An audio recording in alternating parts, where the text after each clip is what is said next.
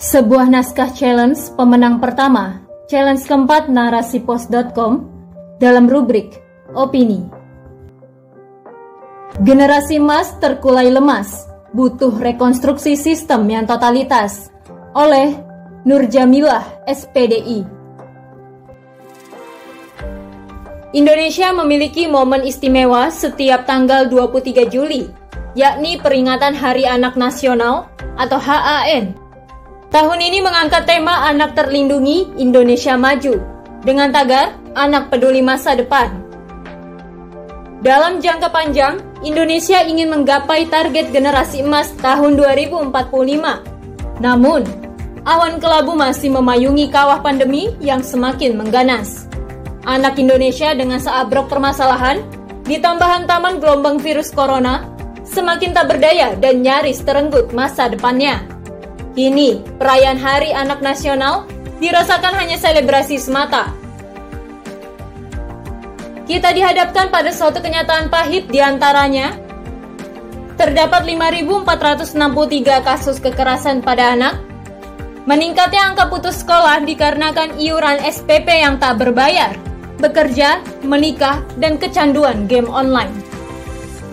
Hari Anak Nasional telah diperingati tidak kurang dari 36 kali terhitung sejak 1985. Namun, mengapa persoalan anak tak juga tersolusikan? Lantas, apa yang menjadi persoalan mendasar dari problem anak ini?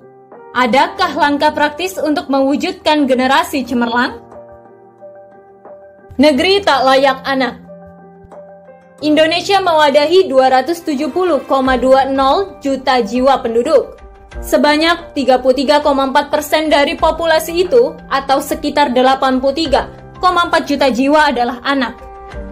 Hal ini berikut bonus demografi yang akan dituai di masa yang akan datang merupakan potensi yang besar dalam mewujudkan Indonesia layak anak 2030 dan generasi emas 2045.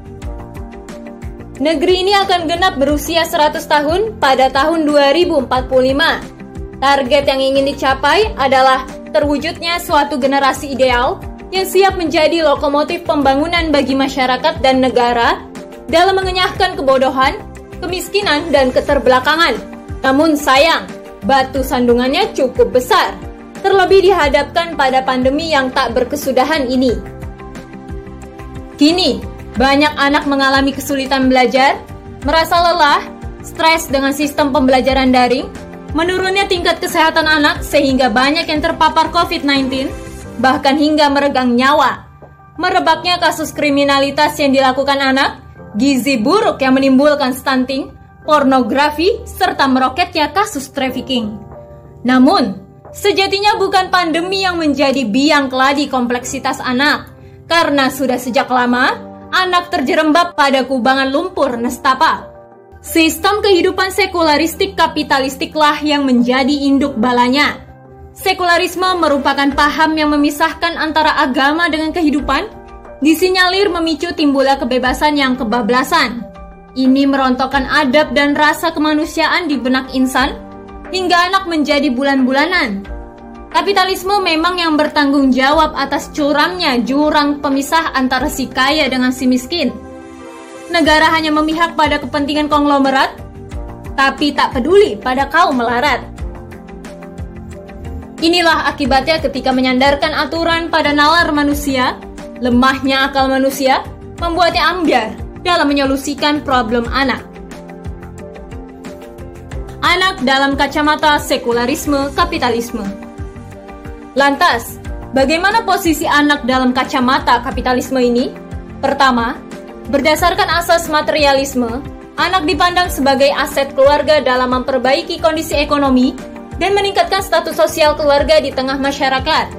Namun, tak jarang anak jualah yang menjadi pelampiasan hawa nafsu, baik melalui kekerasan fisik, verbal, bahkan seksual.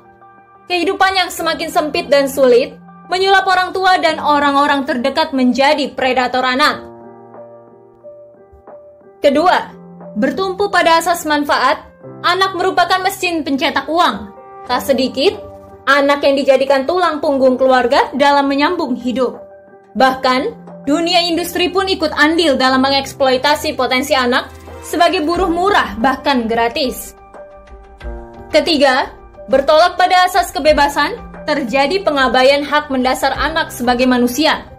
Memalingkan anak dari fitrahnya, terutama hubungannya dengan sang kholik.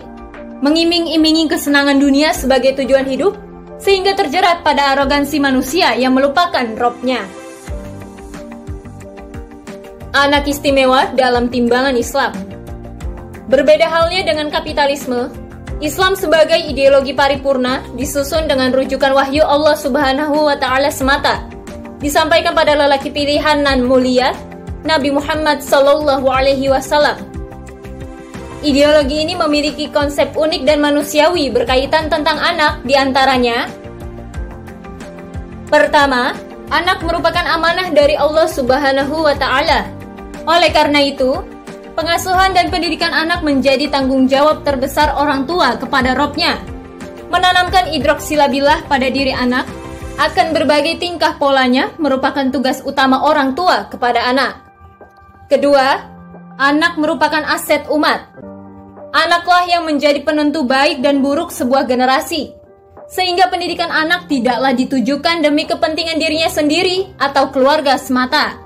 Tetapi, sejauh mana kontribusinya pada umat dan negara. Ketiga, anak pembentuk peradaban mulia. Hanya generasi tangguh yang mampu memikul tanggung jawab pengelolaan hidup bermasyarakat dan bernegara di dunia. Keempat, anak merupakan calon pemimpin di masa yang akan datang. Orang tua bertanggung jawab dalam membangun individu yang bertakwa, sebagaimana Rasulullah yang piawai dalam menjalankan berbagai amanah yang ditanggungnya sebagai suami, ayah, nabi dan rasul, serta kepala negara. Begitu pula para umul mukminin yang terengginas memangku multiperan sebagai istri, ibu, sekaligus muslimah negarawan. Bukan hanya itu, Islam pun menetapkan hak-hak anak yang mesti diperolehnya, yaitu hak hidup, hak nafkah, hak untuk mendapatkan perlindungan dan keamanan, hak pengasuhan, hak mendapatkan pendidikan yang berkualitas, itu semua wajib dipenuhi orang tua dan negara. Oleh karena itu, untuk menyolusikan problem anak haruslah mengakar hingga ke persoalan mendasar dan tidak parsial. Butuh kebijakan yang terintegrasi, konsisten dan tidak menimbulkan masalah baru. Negara bertanggung jawab penuh dalam penanganan baik dalam skala individu, masyarakat, negara.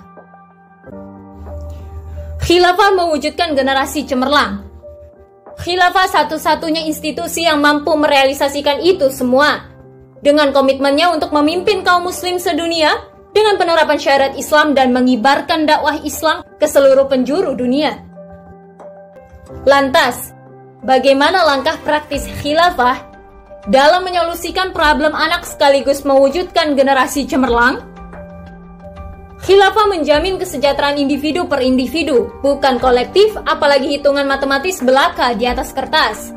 Anak-anak fokus pada pengembangan diri, tidak terlibat dalam menanggung beban manusia dewasa. Khilafah menjamin pendidikan dengan cara memberikan perhatian kepada pendidikan dan pendidik, orang tua dan guru. Mewajibkan pendidikan sejak mulai rahim, akan disemai hingga kematian datang sesuai dengan yang dicontohkan Rasulullah Shallallahu Alaihi Wasallam sehingga akan membuahkan hasil didikan yang baik, benar, dan berguna bagi dirinya, keluarganya, dan sesama. Lalu, terwujud generasi gemilang dan cemerlang yang mengukir sejarah dengan tinta emas. Khilafah mengatur sistem kontrol sosial. Masyarakat yang bertakwa akan senantiasa mengontrol lingkungannya, memastikan individu tidak melakukan pelanggaran dan menjaga pergaulan sosial agar sesuai syariat. Karena itu, suasana keimanan akan tumbuh mengakar di tengah umat seiring dengan meluasnya berbagai kajian agama secara umum. Budaya amar ma'ruf nahi mungkar semakin bersemayam. Khilafah mengatur media massa, media bebas menyajikan informasi, namun tak boleh lepas dari upaya mengedukasi, memayungi akidah dan kemuliaan akhlak, serta menebarkan kebaikan di tengah masyarakat.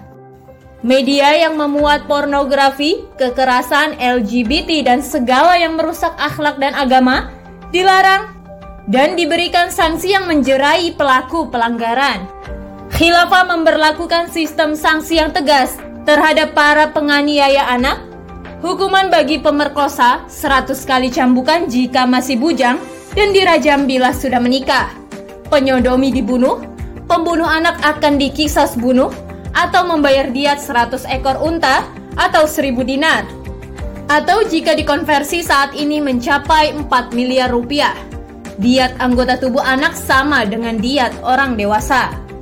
Khotimah Berbagai yuridiksi yang diterapkan negara akan mampu memberikan perlindungan utuh dan kesejahteraan hakiki bagi anak-anak. Khilafah adalah model peradaban Islam yang layak anak. Sudah sepantasnya diberikan panggung untuk eksis kembali dalam kancah dunia. Problem anak tuntas dalam genggaman khilafah. Keberkahan hidup akan tumpah ruah. Generasi gemilang dan cemerlang bukan sekedar romantisme sejarah, tapi kenyataan indah dambaan insan bermarwah. Ingatlah janji Allah Subhanahu wa taala dalam surah Al-A'raf ayat 96 yang artinya Jikalau penduduk negeri beriman dan bertakwa, pasti kami akan membukakan untuk mereka keberkahan dari langit dan bumi. Akan tetapi, mereka mendustakan ayat-ayat kami, sehingga kami menyiksa mereka sebagai akibat dari apa yang mereka perbuat. Wallahu a'lam bishawab.